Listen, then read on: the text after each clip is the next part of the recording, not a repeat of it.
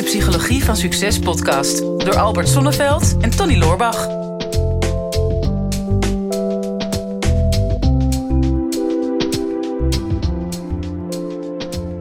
Tony, wat zijn we toch een mooi team eigenlijk, hè? Nou ja, ik moet dat eigenlijk weglaten. Wat zijn we toch een mooi team, hè? Ja, want eigenlijk dat uh, spreekt weer niet zo heel veel zelfvertrouwen uit. nee, nee. Nee, ja, het, ehm, ja, sommige mensen zeggen zelfs... ja, weet je, uh, jullie stemmen passen goed bij elkaar. Misschien zelfs een beetje klef. Maar ja, wij hebben het altijd wel leuk met elkaar. Maar zou iedereen dat hebben zo op die manier zoals wij dat hebben? Dat, dat hoop ik voor de mensen. Het is wel grappig. Ik werd er deze week eh, over geïnterviewd. Uh, die interviewer die zei van... Hè, mijn eh, vrouw is helemaal fan van jullie podcast. Dus ik kwam er niet onderuit dat ik daar een vraag over moest stellen. Dat vind ik altijd mooi. En hij zei van, van hoe, is dat, hoe is dat al zo ontstaan, zo'n podcast? En het grappige is dat van hè, ons echte verhaal hier achter de podcast... is natuurlijk dat wij niet per se dit voor ogen hadden. Hè, hoe groot het moest worden of waar het over zou gaan... of uh, er zit ook geen commercieel belang bij, maar meer dat we zoiets hadden van we willen elkaar eigenlijk wat vaker zien. En uh, nu hebben we een, extra reden. Een alibi. Om, om uh, omdat we sowieso bij elkaar moeten komen. Ja. En dan kunnen we het mooi hebben over wat wij leuk vinden om over te praten. En dan zetten we gewoon een microfoon aan. Ja. En dat is eigenlijk best wel goed uitgepakt. Dat heeft heel goed uitgepakt. En ja, de, de, wat, wat, is het? Bijna 450.000 downloads. downloads ja, inmiddels alweer veel verder, joh. Ja, ja. wauw. Nou ja, dat is geweldig. En in feite zou je kunnen zeggen dat is ook een enorm team geworden van, uh, van mensen. Ik weet zelfs al van één luisteraar die uitsluitend ons onder de douche beluistert. Kijk, dat, dus, dat is winnen. Ik, weet niet hoe dat bij Suzanne zit en ook uh, namens uh, Mariska, want die heeft een vraag gesteld over team. Met veel plezier luister ik naar jullie podcast voor het tweede bedrijf. Um, heeft ze een businesspartner. En um, nou, dat, ze haalt dat vaak aan. IMU ook als voorbeeld hoe een team goed werkt. En nu is mijn vraag aan jullie. Wat is volgens jullie het geheim van een goed team? En misschien iets om in de podcast te beantwoorden. Suzanne Meijers en Mariska uh, Wijbenga, die stellen die vraag. Mm -hmm. Nou, het lijkt me een prima vraag om bij jou eens neer te leggen, Tony. Wat, wat maakt een team een goed team? Voor jou, volgens jou? Nou, um, kijk, ik kan mezelf daar enerzijds als uh, expert in zien, omdat ik op dit moment een team heb waarvan ik het idee heb dat het perfect draait. Um, maar het is altijd een momentopname. Hè? Want ik heb ook wel een team gehad wat niet zo goed draaide. Um, en niet elke situatie vraagt om uh, de, het, hetzelfde soort uh, management. En um, een hele interessante uitspraak die ik ooit las was uh, Culture Eat Strategy for Breakfast. Vond ik heel interessant. Denk ik. Het maakt niet uit wat ik als ondernemer voor strategie kies. Um, als mijn cultuur niet goed is, dan maakt die strategie helemaal niet uit. Dan gaan we niet halen. En als we een waardeloze strategie hebben gekozen, maar een hele goede cultuur hebben, dan gaat de cultuur gaat die strategie op een gegeven moment overtreffen.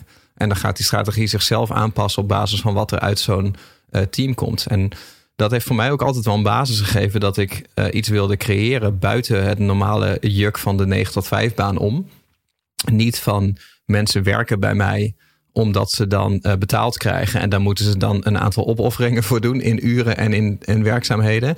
Maar meer van het is een groep waarvan we met z'n allen weten waar we naartoe willen. Uh, op, op korte, middellange en lange termijn. Of in ieder geval op middellange termijn.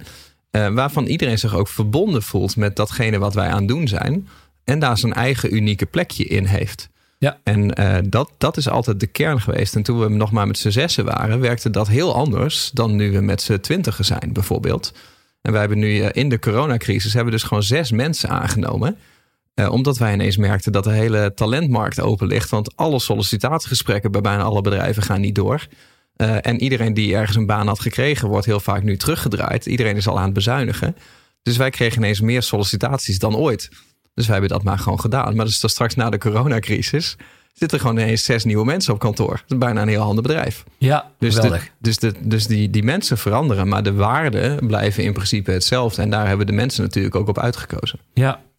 Nou, ik vind het mooi. Ooit las ik een keer een, een heel mooi acroniem over team. En uh, in het Engels is dat uh, Together each achieves more. Mm -hmm. dus een goed team heeft wel een aantal kenmerken. En dat zijn natuurlijk allemaal weer die prachtige woorden. En het gaat er weer over van hoe zet je dat dan om in gedrag. Maar een van de dingen die die ik wel merk bij teams. En of het nu gaat over teams binnen het werk of sportteams. Hè, wat, wat zijn nou succesvolle teams? En wat zijn daar uh, karakteristieken van? Want ja, die hebben wel iets gemeenschappelijks. Mm Nou, wat ze sowieso gemeenschappelijk hebben, is een gemeenschappelijk doel. Um, en daar moet je ook aan conformeren. En je kunt zeggen, ja, een voetbalteam, ja, dit heeft sowieso een gemeenschappelijk doel, namelijk winnen.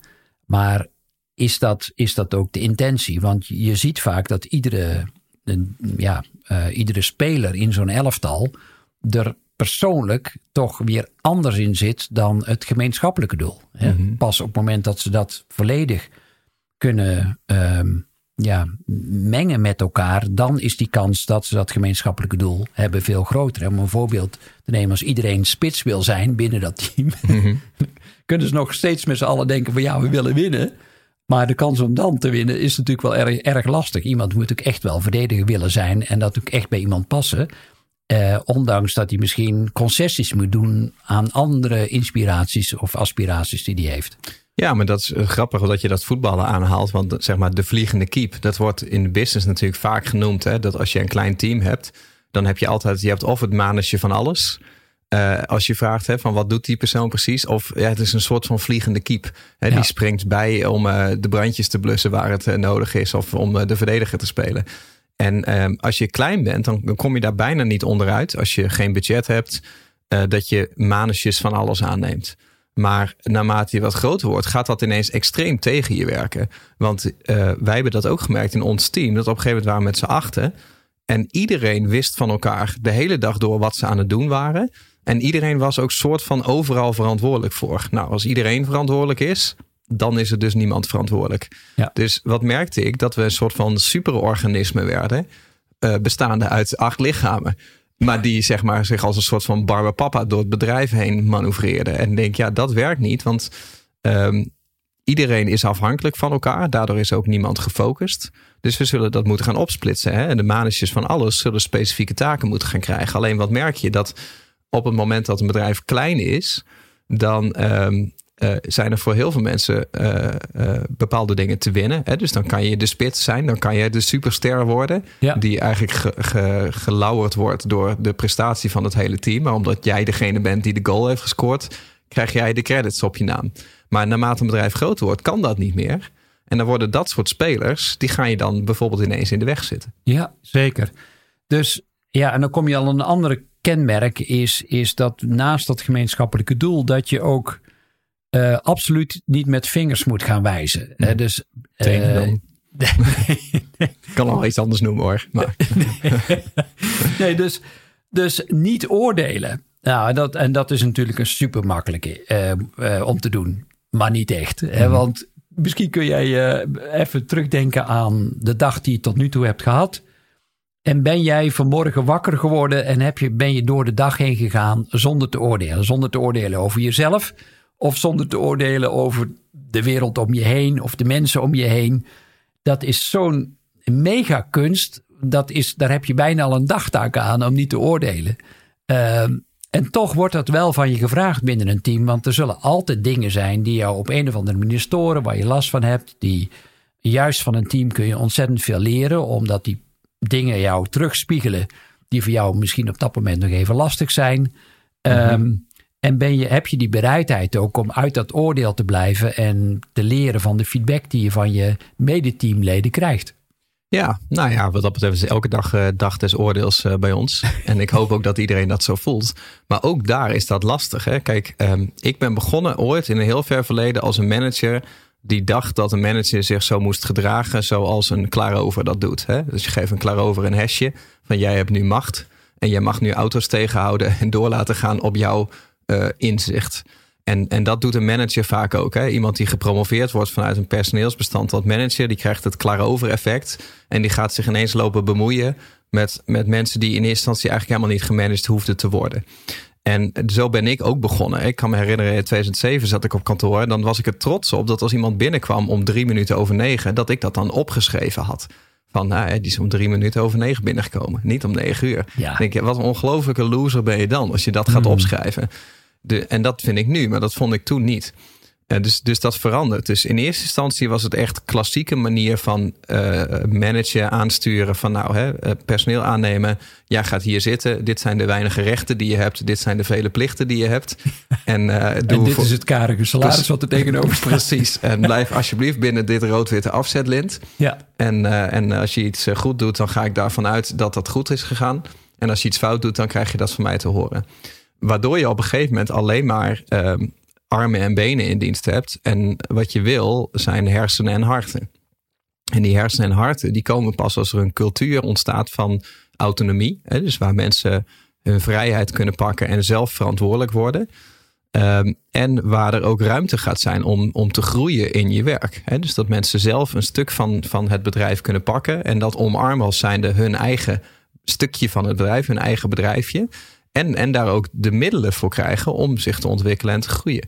Dus dat, dat is ergens in omgeslagen van. En dan krijg je een extreme vrijheid. Maar vervolgens merk je ook, niet in, in, ieder individu kan omgaan met dezelfde vrijheid. Dus daar zul je toch op moeten sturen. Uh, als je altijd alles met de mantel der liefde bedekt, dan krijg je in eerste instantie een hele fijne, gezellige, warme cultuur.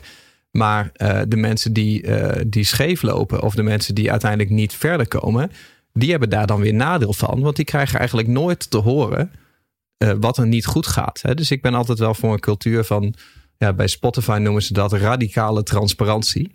Maar je kan maar beter uh, altijd over alles meteen 100% transparant en eerlijk zijn en nergens doekjes omheen winnen, winnen. Want dan, dan stapelt er zich niks op. En dan weet iedereen altijd precies waar die aan toe is. Ja, ja, mooi. En, um, dat wordt vaak vergeten. Uh, zeker in, in een land als Nederland, waarin er toch veel wordt gepolderd en altijd weer wordt gezocht naar een midden waarin iedereen tevreden is. Maar een gezond stukje competitie in een team is ook heel goed. Je zou denken dat staat haaks op oordelen.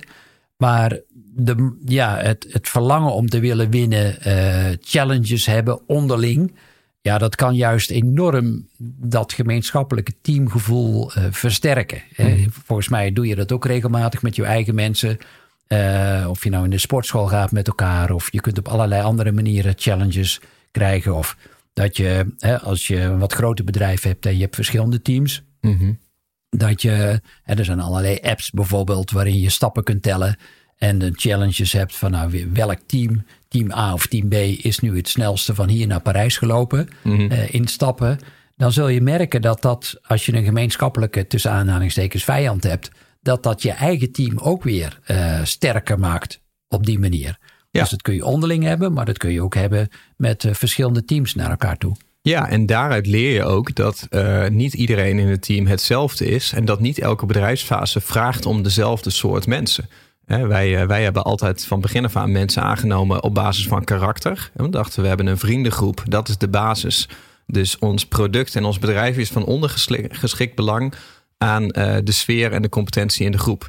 Dus hè, we zouden letterlijk met deze groep een ander bedrijf kunnen beginnen, als dat logischer zou zijn, dan dat we met hetzelfde bedrijf verder gaan en andere mensen aannemen. En als iedereen dat voelt, dan heb je ook echt wel een soort van uh, commitment. Hè? Het product is zo vervangen, maar mensen en een persoonlijke band, dat kun je niet zomaar vervangen. Nee. Um, alleen, uh, naarmate je wat groter groeit, merk je ook dat je andere soorten mensen nodig krijgt. Hè? Dus ik zat er toevallig vanochtend te lezen. Dat is het voordeel van heel veel boeken lezen in een paar weken. In uh, een boek Loonshots heet dat. En dat gaat over extreme ontwikkelingen die die complete markten en werelden hebben veranderd. En daar maken ze ook onderscheid op de werkvloer tussen de, de soldaten. En dat zijn zeg maar de mensen die werken aan de alledaagse business. Die dat in stand houden. Die dat verbeteren. Die de foutjes eruit halen. Die zorgen dat de marges beter worden. En zeg maar alles om een bedrijf te polijsten.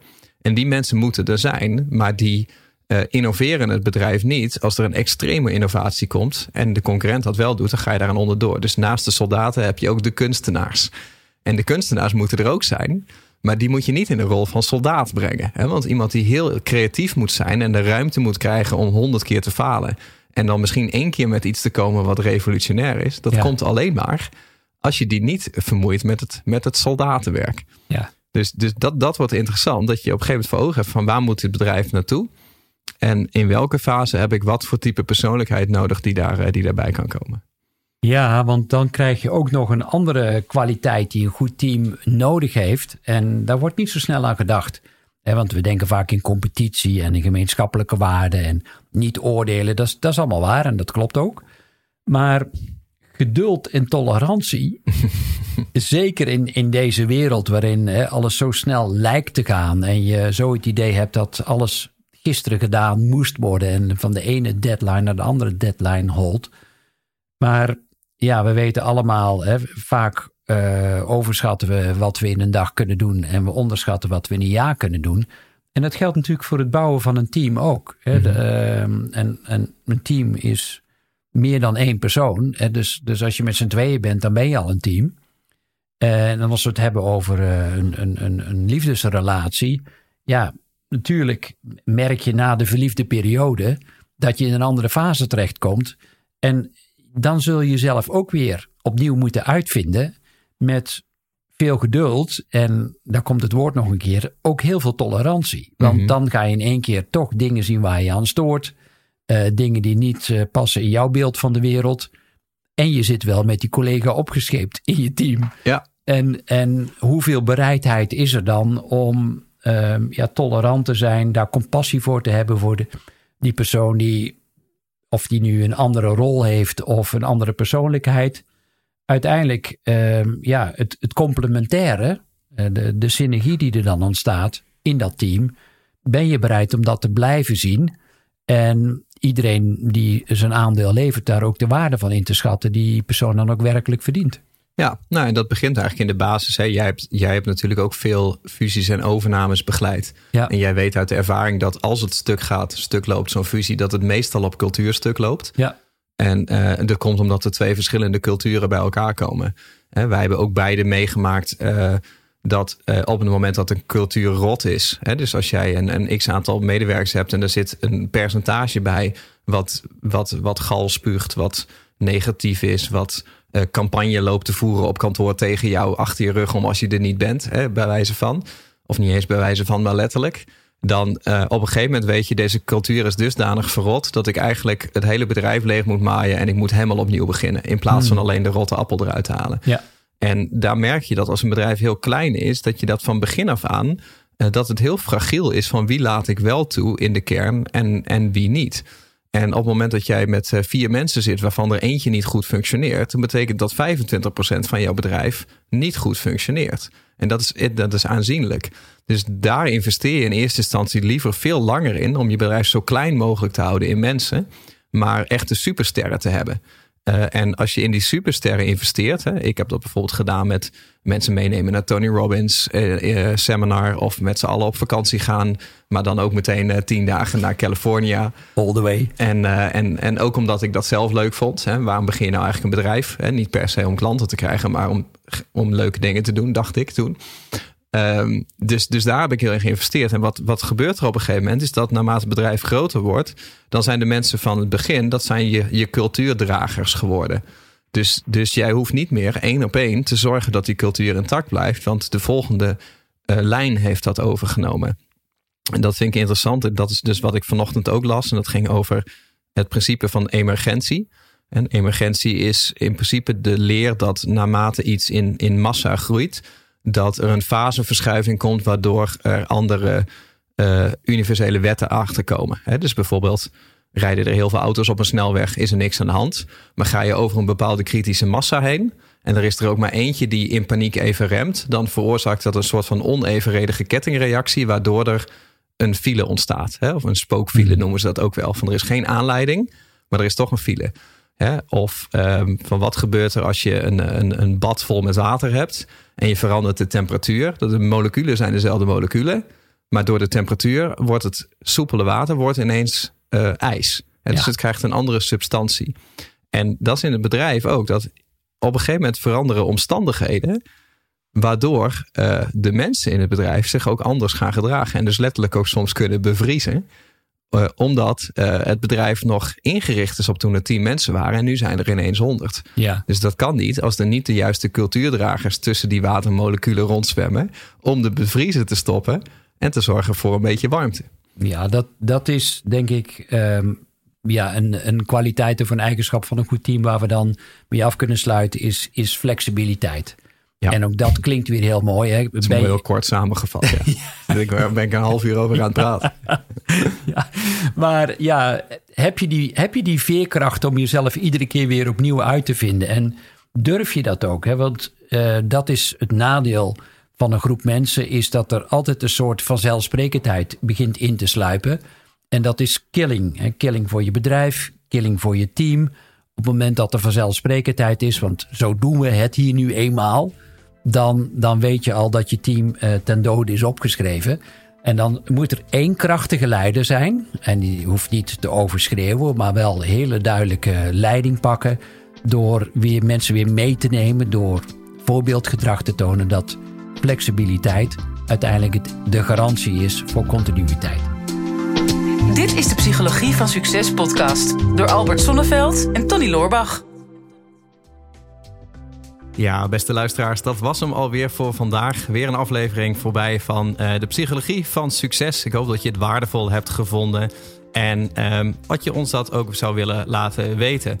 Uh, mocht je nog niet geabonneerd zijn op onze podcast, doe dat dan even. En wat we heel erg tof zouden vinden, is als je ook even een review zou willen achterlaten. We vinden het natuurlijk heel leuk om te horen van jou wat je van de podcast vond, welke inzichten je eruit hebt gehaald en om dat natuurlijk in de review-sectie terug te gaan lezen. Heb je nou een vraag en je zou graag met jouw vraag in de uitzending willen komen? Stel hem dan op eh, de social media. Onze kanalen zijn vooral LinkedIn en natuurlijk Instagram.